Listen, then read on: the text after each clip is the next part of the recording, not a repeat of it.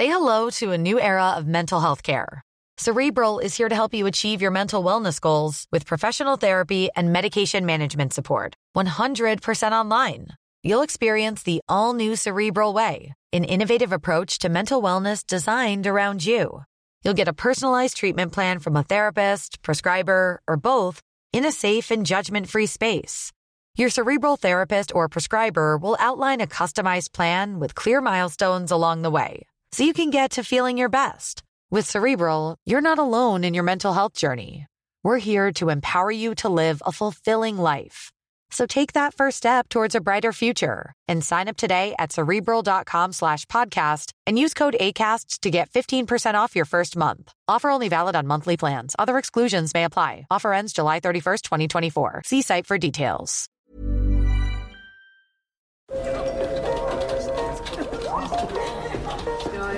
Dette er lyden av norsk næringsliv.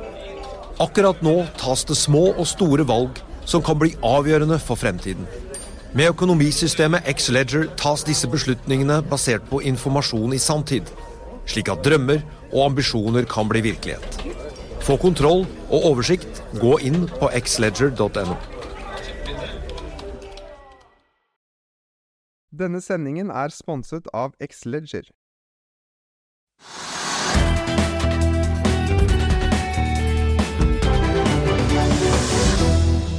En riktig god onsdag alle sammen, og velkommen til Økonominyhetene på denne 23. august. Mitt navn er Marius Lorentzen, og i denne sendingen så skal vi snakke laks og om Movies varsel om et søksmål mot staten over lakseskatten. Men før det så skal vi til Bergen for å ta tempen på den store Vestland på børs-konferansen. Så tenkte jeg bare aller først, siden det er såpass mye på agendaen i dag, å bare gi dere et kjapt overblikk over markedet akkurat nå. For vi får jo si at hovedindeksen, som da er ned 0,4, har svingt en god del i dag. Ligget både i rødt og grønt. Etter gårsdagens fall på en snau halv. Stort sett grønt nedover i Europa i dag, etter oppgangen vi så i Asia i de tidlige morgentimene i dag.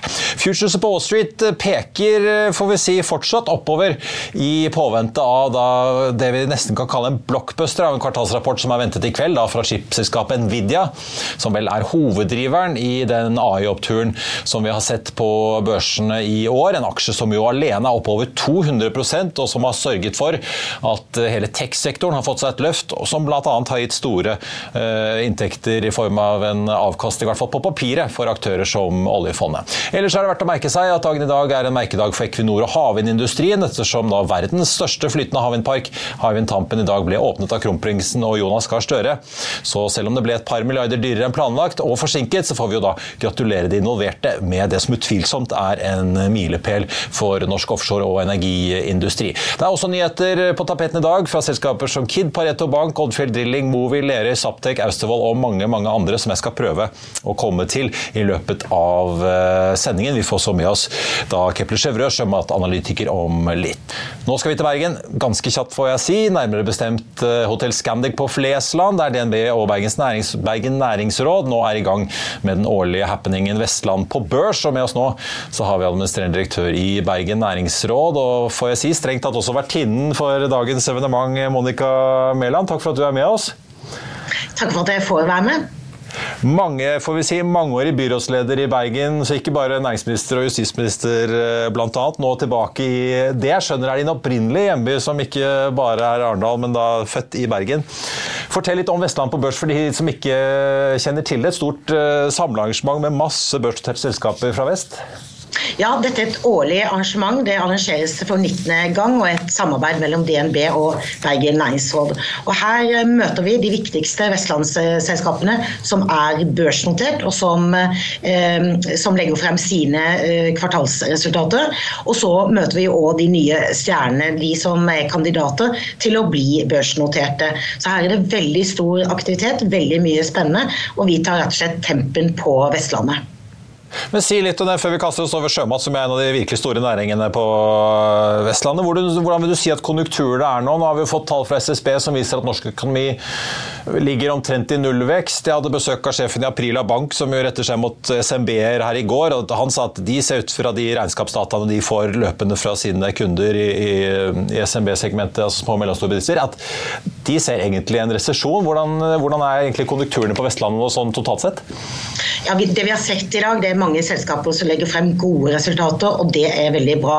Men vi ser en uro, eh, og vi ser en, eh, en manglende optimisme. Det er bare én av fire av våre medlemmer som ser positivt på fremtiden. Og den eh, kurven har vært dalende siden april i fjor, så er den faktisk halvert. Og det er mye psykologi i økonomi. Og det er klart hvis man ikke tror på fremtiden, hvis man ikke får de gode forretningscasene, ja så får man heller ikke til investeringer. Og Derfor så melder mange bedrifter også om eh, at de planlegger både for nedbemanninger og oppsigelser. Så, så det er en uro, en usikkerhet og en frustrasjon vil jeg også si, over eh, manglende forutsigbarhet når det gjelder rammevilkår. Og Den meldingen må vi være veldig tydelige på til norske myndigheter. Den viktigste saken for næringslivet vårt det er forutsigbarhet. Og det er helt nytt. Vanligvis er det en skatt eller en, et samferdselsprosjekt, men nå er det rett og slett den uroen man føler. Man treffes av veldig mange ting. Uh, strøm, kronekurs, inflasjon, uh, renter og i tillegg altså nye skatter og avgifter som, som kommer plutselig og som, som, som rammer hardt.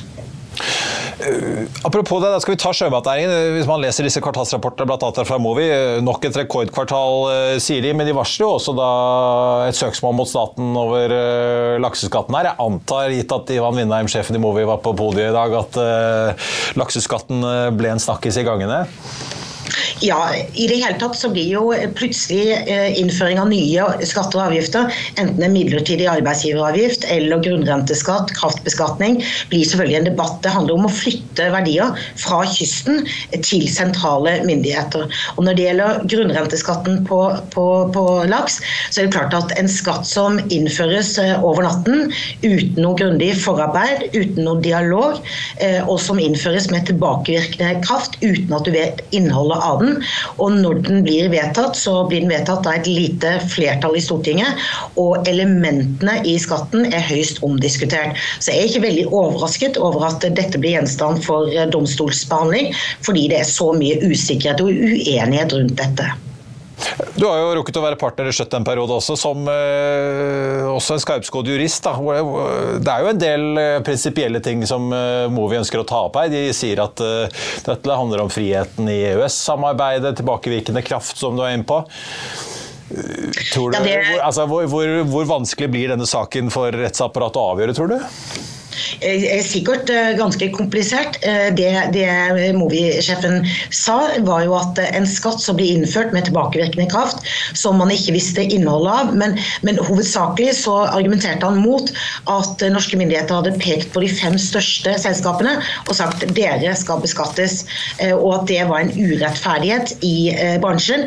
At dette ikke er en byrde som fordeles rettferdig, men rett og slett at man sier at vi har Det norske myndigheter sa, var jo på mange måter at vi trenger et proveny på 4 milliarder, og det får dere fem eh, betale. Og Det er klart det eh, oppleves veldig urimelig. Eh, de fem største er viktige motorer. De er på mange måter de fremste når det gjelder forskning, innovasjon og, og, og det å, å, å, dra bransjen fremover. Og vi trenger noen som greier å investere stort i, i både forskning og innovasjon. Så, så det er klart at dette føles urimelig sett med Mobis sine øyne.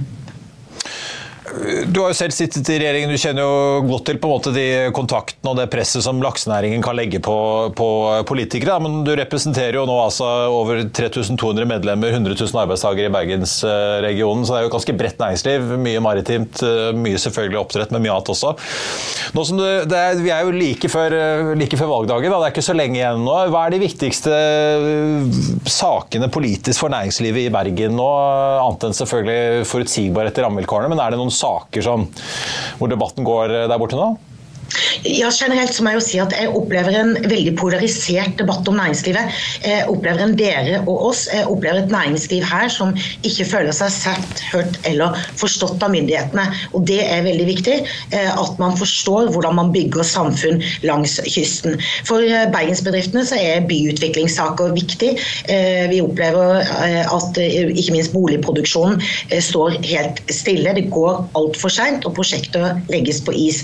Planer for næringslivet næringsarealer finnes nesten ikke. Så er det store samferdselsprosjekt som er veldig viktig for Vestlandet for å bygge landet, både på vei og på bane.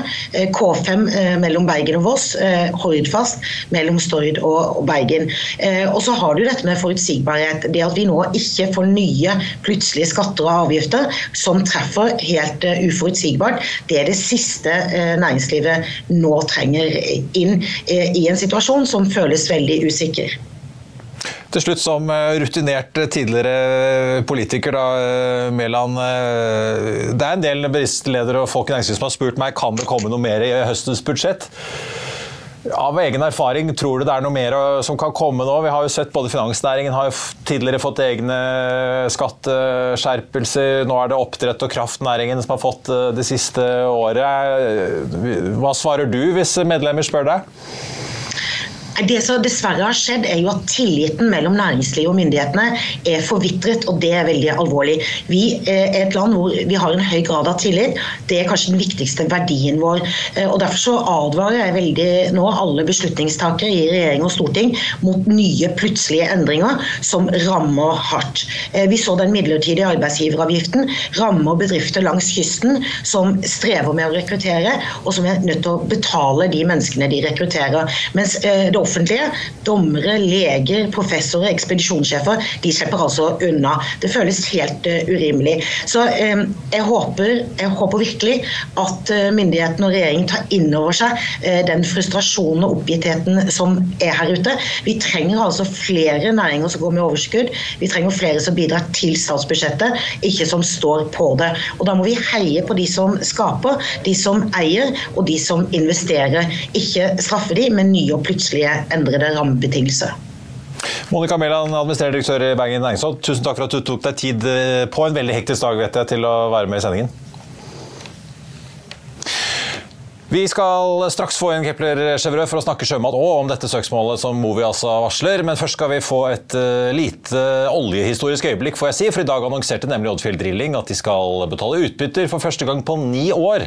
Og altså for første gang siden oljebremsen. Aksjen er ned rundt 2,5 i dag, men oppover 33% for året. Her er noe av det konsernsjef eh, Kjetil Gjerstad sa på Børsmorgen i morges. Eh, den store nyheten i dag er jo at vi har liksom lykkes med den planen som vi har jobbet med en stund nå. Vi fullførte jo refinansieringen tidligere for å kunne komme i posisjon og, og, og få betalt utbytte. og det, det, er veldig kjekt at vi nå kan, kan, eh, kan komme i gang med det. Eh, ja, jeg merket meg det refinansieringen at dere fikk jo endret noen vilkår som jeg antar åpnet for nettopp utbyttebetaling. Men hva blir policyen fremover? Jeg så litt på kontantstrømmen deres. Eh, netto så har den jo vært eh, negativ så langt i år. Jeg antar kanskje det er noen effekter av refinansieringen er ute og går, eller? men hva er policyen? Er det basert på hva dere sitter igjen i netto kontanter, eller er det andre parametere? Ja, vi, vi, har jo, vi, har jo, en, en, en ganske forutsigbar backlog det kommende årene. Så vil vi jobbe oss nå gjennom disse her såkalte legacy-kontraktene gjennom 24 og komme oss over på, på bedre rate etter hvert. Vi ser at det så vi har valgt å starte litt det forsiktig på et nivå vi kan holde over tid. Og så har vi jo ambisjoner nå om å, om å øke dette her etter hvert, så vi, eh, vi får gjort disse SPS-ene våre, gjennomført de, eh, og komme oss over på, på høyere dagrate etter hvert. Så så vi begynner litt forsiktig. Eh, opptatt av å finne et nivå som vi kan, eh, kan eh, holde, og så øke på etter hvert. Si litt om utsiktene. fordi jeg merker meg at Dere har vel alle deres egne rigger. I hvert fall. Dere har jo både egne rigger og rigger dere drifter for andre, men alle deres egne rigger er i arbeid. Ingen i opplag. Ja. Uh, samtidig så leste jeg det er et helt annet segment riktignok, med Noram Drilling som kom med sine tall i går, driver på land i USA, peker jo på at oljeselskapene er litt mer forsiktige med de store prissvingningene som har vært, uh, i hvert fall der i den amerikanske oljeprisen og gassprisen. Uh, der har antallet aktive rigger gått ned. Nå er det et helt annet marked enn offshore-rigger. men likevel hvordan ser utsiktene ut? Jeg merker meg at dere virker optimistiske likevel? da? Ja, vi, er optimistiske. og Vi ser et marked nå som, som har bedra seg jevnt og trutt over tid. og Det ser òg bra ut framover. Vi, eh, vi, vi, driver jo et litt, litt spesielt uh, marked. kan jeg si. Vi har disse harsh environment-riggene. Så Vi har en total flåte nå på åtte rigger med, med moderne sjette generasjon high spec-rigger som vi har siktet oss inn på som en sånn nisje. Um, fire av de eier vi 100% sjøl, og så har vi fire som vi drifter for, um, for andre eiere.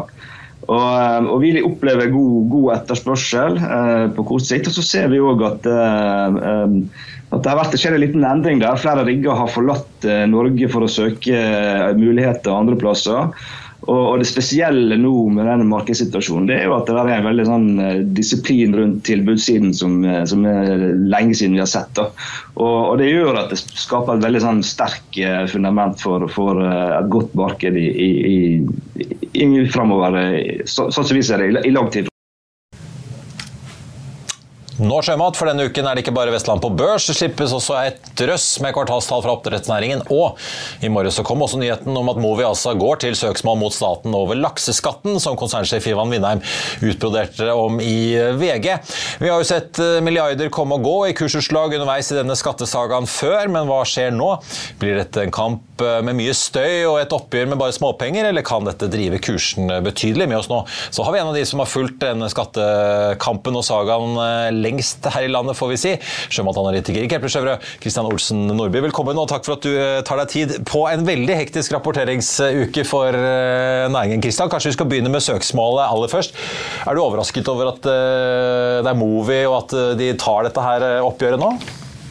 Mobi er størst, og de har jo sånn sett også mest å vinne på et søksmål, ettersom at de får altså, minst fordel av bunnfradraget, som er det de hovedsakelig går til søksmål på. Og så er det jo mest ressurser internt til å ta sånne saker. Da. Men eh, det er jo 50-50 om det er overraskende eller ikke. Det er ganske forventet kanskje at det kommer til å komme noe fra lakseselskapene på dette temaet sitter de veldig spente, de andre selskapene i næringen, i Lerøy, SalMar, eh, Grieg osv. Nå kommer jo SalMar på tall i morgen, Grieg på fredag, Lerøy kom i dag. Sitter de nå veldig spent og følger med, tror du? Altså, hovedsakelig føles dette mest som en prinsipiell sak. Det er jo noe penger involvert, selvfølgelig. Men uh, bunnfradraget ble jo ikke så stort som man kanskje initielt ventet. Og det fører jo til at fordelen av å være liten er ikke like stor som den var initielt. Da man snakket om x antall tusen tonn i bunn. Nå er det jo et kronebeløp, og det gjør jo at uh, det handler mest om at Movi syns det er urettferdig at uh, internasjonale investorer kan kjøpe seg noen lisenser og ha 22% skatt på det, versus Movi som må ha 22 pluss 25% skatt på sine lisenser som de kjøper i auksjonen. Så Sånn sett har det litt å si, men det er mest prinsipielt, virker det som, spør du meg. Ja, for litt Apropos det, eh, introen min her. Det virker ikke som du tror at det er egentlig så veldig mange milliarder i spill? Nei, egentlig, det, det, det, er ikke mitt base case, i hvert fall. Ja.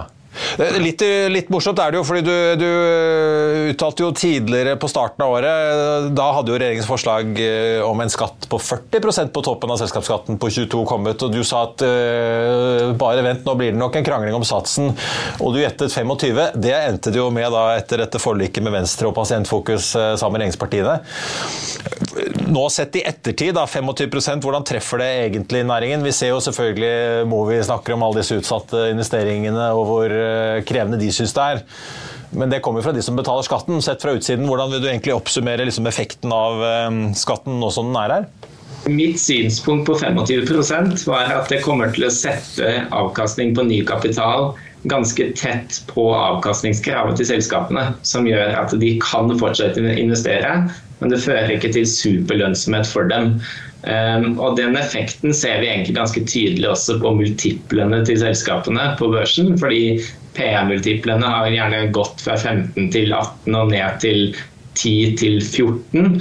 Eh, så det tallet handler om at superlønnsomheten har gått ned, men selskapene vil fortsette å investere til en viss grad. Åpenbart så har de jo mindre investeringsmuskler ettersom de må betale mer i skatt, men nye prosjekter vil fortsatt bli realisert. og Det var litt mitt poeng med 25% også, at da går det. På 40 mente jeg at det kom til å være ekstremt vanskelig for næringen, men det er ikke ideelt med tanke på vekst fremover. Og så blir det selvfølgelig veldig spennende å se hva som skjer på havbruks til havs, eh, fordi den er foreløpig ikke inkludert i skatteforslaget. Det må den nesten bli eh, for at det skal bli noe av det også, tenker jeg. da. Men det blir spennende. Det er neste kamp på en måte for sektoren. Ja, for der har du kanskje lyst på fradraget på 25 i tillegg til 22 ja. Stemmer det. Der vil du ha det. Ja. Det er litt som med Hywind-Tampen-vindmøllene. Det var veldig greit å kunne få oljeskatt og trekke fra 78% på investeringen. Eh, skal vi snakke litt om, eh, Så får vi se hvor det, hvordan dette ender. Først skal du innom Oslo tingrett, får vi se om det går helt til EFTA, som Vindheim sier han er villig til å ta, ta, denne saken til. Skal vi snakke litt om tallene òg, for dette har jo fått veldig mye oppmerksomhet i dag. Men jeg ser jo Movi opp en 3,5 etter da eh, en kvartalsrapport hvor jeg ser de beholder slakteguidingen sin for i år. De har allerede vært ute og forhåndsvarslet driftsresultatet.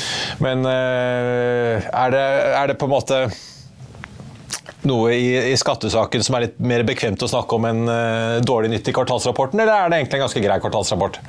Nei, Det er en veldig forventet rapport totalt sett. Det er ingenting som er kjempenytt. Uh, de snakker jo om at de har noe at de har ganske OK biologi totalt sett i hele selskapet. Og Movi har jo utviklet seg litt og litt over de siste to årene til å bli et mer kvalitetsselskap som treffer på sine egne spådommer om seg selv, altså volumguidance og kostnader og sånne ting. Og eh, jeg ser litt ut som at investorene på en måte har mer tillit til selskapet. og Enkelt forklart så ser ikke jeg helt at estimatene skal flytte seg så veldig mye, basert på på det vi lærte i dag, men det er kanskje multiplen som stiger noe, da. Det er vel egentlig det. Mm. Men ingen, så vidt jeg skjønner, ingen forventer stor inntjeningsvekst fra Movi fra i år til neste år? Eh, nei, det er ikke sånn kjempestore forventninger til en, en vesentlig inntjeningsvekst. Det, er jo, det spørs jo litt på hva man forventer på lakseprisen og sånne type ting. Men eh, det er ikke noen sånn kjempestore forskjeller mellom inneværende år og neste år. Og for så vidt ikke eh, fjoråret heller på EBIT-nivå. Eh, til slutt, bare for å oppsummere dagen i dag. da Lerøy ute kutter slakteguidingen sin for i eh, år, men aksjene aksjen har steget over 6% så det virker som dette blir tatt godt imot. Hva er det du tror gjør at Lerøy-tallene klappes inn i hallene til Oslo Børs, holdt jeg på å si? Det var, jo, det var en rapport der de har god biologi i Nord-Norge og Midt-Norge, og det er positivt. Og de sier jo mest om at det skal bli ganske positivt inn i annet halvår. Det hadde jeg for så vidt forventet, så det var liksom ikke kjempemye nyheter i den forstand. Men det er åpenbart at markedet syns det var veldig fint at de faktisk bekrefter at det er gode nyheter der. Ehm, I, på Vestlandet så har de jo nå fått en ILA-hendelse som har gjort at de kommer til å få et ganske stort tap i Q3. Og da må altså, de også sykdomsforespørsel, holdt jeg på å si. Ja. ja. Ja, og Det er jo selvfølgelig negativt, og du har mye død fisk. Og at du må ta ned volumguidance. Så det var en mikst rapport fra min side. For, sånn jeg så det, så var den nyheten i rapporten den, det store tapet på ILA og da volumguidance-kuttet. Men åpenbart at markedet syntes det var viktig av det som var altså fremgangen i Midt-Norge og Nord-Norge totalt sett. Denne uken er jo det eneste OL for eh, næringen. Vestland på børs i dag eh, med Movi og Lerøy. Så er det Aquanor-konferansen eller eh, ja, konferansen i Trondheim hvor bl.a. SalMar skal legge frem tall i morgen. Og så kommer Grieg på fredag. Hva er det man bør ha et øye opp for når det gjelder SalMar og Grieg, da? På SalMar så handler det om at de fortsetter den gode biologien de har hatt en stund. Vi ser jo nå at det er snakk om litt enklere luseforhold kanskje i Midt-Norge enn det det har vært før på denne tiden. Så kanskje også de kommer og sier at de har ganske god biologi. Og så er det jo sånn at SalMar slaktet ganske mye Norway Royal Salmon-fisk i Q1, som betyr at de kommer til å ha mindre Norway Royal Salmon-fisk i et annet kvartal senere i inneværende år. Og SalMar generelt har høyere lønnsomhet på sin egen fisk, i hvert fall foreløpig, som betyr at det ligger en sånn latent, litt bedre eh, margin på fisken som kommer til å komme på på et eller annet tidspunkt. Da. Så SalMar ser ganske positivt ut. Vi ligger sånn cirka på linje med forventningene. Så forventer ikke noe sånn kjempemye utover konsensus, men gode tall da, totalt sett. Og på Grieg Seafood så kommer de på fredag, som du sier. Og de er jo et selskap som har til vane å ha veldig mye utslag både opp og ned. Eh, og vi, der ligger vi litt under forventningene. Hovedsakelig drevet av Canada, fordi vi tror at de kan ha slaktet en del mot slutten av kvartalet, hvor prisene var veldig lave, sagt enkelt. Og så får vi også si, SalMar eh, de legger frem tall i Trondheim i morgen, men det blir kapitalmarkedsdag i Tromsø i starten av eh, september, så der kan vi jo kanskje også få litt indikasjoner på veien videre etter eh, mye strukturendringer og mye gjeld de har påtatt seg under disse transaksjonene. Ja, Det blir absolutt spennende å, å, høre hva de kommer med på den CMD-en. Nå har ikke de hatt CMD på veldig lang tid. så det blir jo litt sånn veien, veien fremover for SalMar, altså etter de har gjort dette store oppkjøpet. Så synergitargetet er vel det man forventer kanskje de skal gjøre noe med på den CMD-en også. At de skal heve targetet. Vi skal bla litt i powerpointen eh, når den eh, kommer. Det er vel den 6. september, så jeg husker, Kristian Olsen Nordby i Kepler Skjerve. Tusen takk for at du var eh, med oss, og si, lykke til med innspurten på uken. Vi er straks tilbake rett etter dette.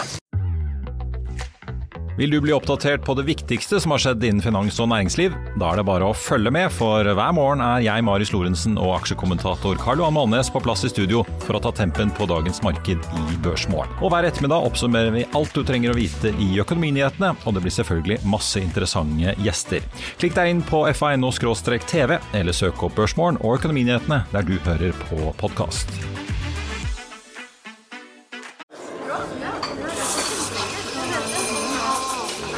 Dette er lyden av norsk næringsliv.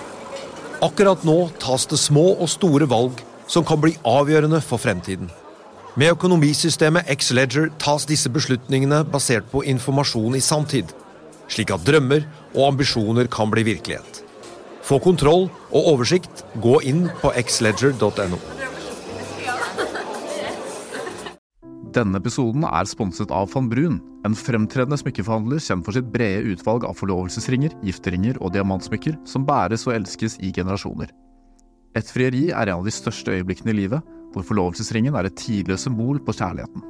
Valg av ring krever omtanke for både hvilket metall og diamant, med et bredt spekter av både naturlige og labdyrkede diamanter, og metaller som platina, gult gull, hvitt gull og roségull, hjelper de deg med å sette et personlig preg på din kjærlighetshistorie.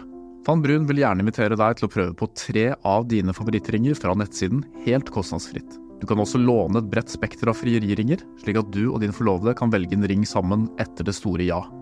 Van Brun tilbyr 90 dagers åpent kjøp og 90 dagers gratis størrelsesjustering. Utforsk deres eksklusive sortiment i luksuriøse omgivelser.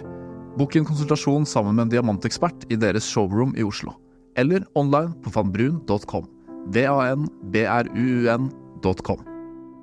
Thank you. Velkommen tilbake. Jeg lovet at vi skulle prøve å komme innom noen av de andre nyhetene som er verdt å merke seg i dag. Interiørkjeden Kid kommer jo da i morgen med sine kvartalstall, men i dag er de ute med en melding og varsler at de skal samle seg på ett sentrallager i Borås i Sverige, der deres Hemtex-kjede allerede kom i gang med sin lagervirksomhet da fra andre kvartal i år. Utbyggingen vil ikke føre til noen endring av Kids hovedkontor, skriver de, men, for det skal jo da forbli i Norge, men deres norske lager vil bli avviklet i løpet av 2025, og lokalene vil da bli videreutleid de siste fem årene, frem til leiekontrakten da går ut i 2030, ifølge KID. og Lageret som nå skal utvides, ble i sin tid da bygget ut som en joint venture mellom KID og storaksjonær Bjørn Rune Gjelstens selskap eh, Fabritius-gruppen. KID eh, ligger og vaker så vidt i pluss i eh, dag. Liten omsetning i aksjen får vi jo merke oss. Så langt i år er den opp nesten 7% eller da drøye 10% med utbytte. Også verdt å ta med Pareto Bank, som sendt i går kveld varslet en en eh, emisjon på 350 millioner kroner til kurs da 50-50. Nå ligger den på 51-30, så den har jo falt da litt ned mot emisjonskursen, men ikke helt eh, ned. Og så er det jo verdt å merke seg at rabatten da var relativt eh, liten, på en rundt 3% fra gårsdagens sluttkurs. Det er vekstmuligheter som Pareto Bank mener de har da kommet over, som de skal bruke disse emisjonspengene til, ved å da styrke kjernekapitalen, som jo da kan gjøre det mulig for dem å låne ut mer penger. Ingen ingen reparasjonsemisjon foreløpig eh, annonsert eh, fra Pareto Bank i denne omgang. Også verdt å ta med seg Bakkafrost, som jo falt eh, nesten 10 i går på deres kvartalsrapport. Konsernsjefen har vært ute, Regin Jacobsen altså, og kjøpt aksjer for en gråt regnet 10 millioner kroner der. Saptek, elbilladeselskapet, stiger også solid i dag. Har vært opp nesten 10% ligger opp 7,75 nå. Konkurrenten Easy, som jo har vært i store problemer, har endret eh, på toppsjef og tatt andre grep etter at eh, el-sikkerhetsmyndighetene satte selskapets ladere under lupen og innførte da salgsforbud i flere land i Europa. Eh, har jo da lansert sin nye lader. Likevel ser vi at markedet tar veldig godt imot av tallene fra Saptek som vi får si da eh, viser en kraftig økning i omsetningen på 134% og også en eh, kraftig økning, nesten dobling, i det brutto driftsresultatet EBITDA-en til 23 millioner. Reach Subsea omsatte for 636 millioner kroner i andre kvartal, en rekord, og opp fra 340 på samme tid i fjor, så kraftige prosenttall der også. Driftsresultatet steg fra nesten 50 til nesten 150 millioner kroner i år, også det en rekord. Vi ser at Reach Subsea har vært opp en nesten 10 i dag. De også ligger nå opp 9,02 til 4 kroner og 35. En annen aksje som kom med tall også da i går kveld, får vi ta med. Doff Group ligger ned snaue halvannen prosent. Veldig så kraftig resultatvekst der også. De har jo da gjort et comeback på børs etter en stor restrukturering. Det hjelper jo selvfølgelig på, gitt at du da har en langt lettere balanse og mindre gjeld. De fikk en EBTA, bruttodriftsresultat altså på 1,35 milliarder mot 851 på samme tid i fjor. Det var bedre enn det den med Markets hadde ventet. Ordreinngangen endte på 1,6 milliarder, og det økte da ordreboken til 20,8 milliarder. Merk også at Doff tar opp EBITDA-guidingen sin for 2023 som helhet. Til slutt tenkte jeg bare å nevne Noram Drilling, i og med at vi har hørt fra Oddfjell Drilling i dag også. Noram Drilling, riggselskapet til Jon Fredriksen som også kom på børs her i fjor, spesialiserer seg jo på landrigger på land i USA, og da primært i Permian-bassenget rundt Texas. Der økte inntektene med 7% justert resultat opp 6% en stabil bunnlinje på 9,5 millioner dollar, får vi jo si da. Også ratene tikker oppover der, men samtidig konsernsjef Marty Jimmerson påpeker at antallet rigger i drift i USA er da ned rundt 19 så langt i år grunnet volatilitet i olje- og gassprisen i USA. Men i Permian så er de bare ned 7% og Noram forventer jo da en bedring nå utover i tredje kvartal av høsten, også inn i 2024. De har i dag åtte av elleve rigger i drift, resten i opplag, og da ute på tilbudssiden, får vi si. Noram Drilling, ingen gjeld, betaler utbytte, og bygger også omformere som skal brukes til å elektrifisere boreoperasjonene. Så det er jo ikke da bare Equinor som driver med sånt om dagen, tydeligvis. Prestasjonen den starter akkurat nå, 15.00. I Finansavisen i morgen så kan du lese Trygve Hegnars leder om Ukraina og flyktninger i eller ikke i jobb. Du kan lese om Magnus Halvorsen og Øystein Strauss Betalen som kjøper aksjer i oppdrettsselskapet Lerøy. Du kan lese om analytikere som venter resultatfall i industrikjemper som Elkem og Hydro. Og du kan lese om hvordan sjakkbutikken til Magnus Carlsen går om dagen. Hovedveksten på Oslo Børs ned 0,6 nå. Dermed ser det ut til at vi ender nok en dag i rødt, selv om vi så litt grønt tidligere i dag. Det står da i kontrast til de andre nordiske børsene og også London-børsen, men vi har jo da sett også at aksjemarkedet i Tyskland har bikket nedover i rødt i dag. Futures på Wall Street fortsatt grønne nå en halvtime før handelen er i gang, mens alle da går og venter på Nvidia-sjef Jensen Huang vil melde om etter stengetid på kvartalsslippet der. Litt over klokken ti i kveld, får vi vel si. Det var det vi hadde for deg her i dag. Husk at vi er tilbake igjen med Børsmorgen 08.55 i morgen. Der skal vi selvfølgelig oppdatere deg på Nvidia-talene. Vi får også besøk av sjefen i programvareselskapet Smartcraft, som leverer tjenester til byggenæringen. Som jo blir interessant å høre om gitt den kraftige byggestoppen som vi ser om dagen. Og de kommer jo da selvfølgelig med kvartalstall, det er derfor han er gjest hos oss. Og så blir det Økonominyhetene, der vi får med oss ingen ringere enn Simen Liung, som leder Oddfjell Technology, spin-offen fra Oddfjell Drilling, som vi jo snakket med på Børsmorgen i dag. Men det skjer i morgen, altså. Her og nå gjenstår det bare å si tusen takk for følget. Mitt navn er Marius Lorentzen. Siste nytt får du som alltid på FA.no. Ha en riktig god onsdag, alle sammen. Vi ses.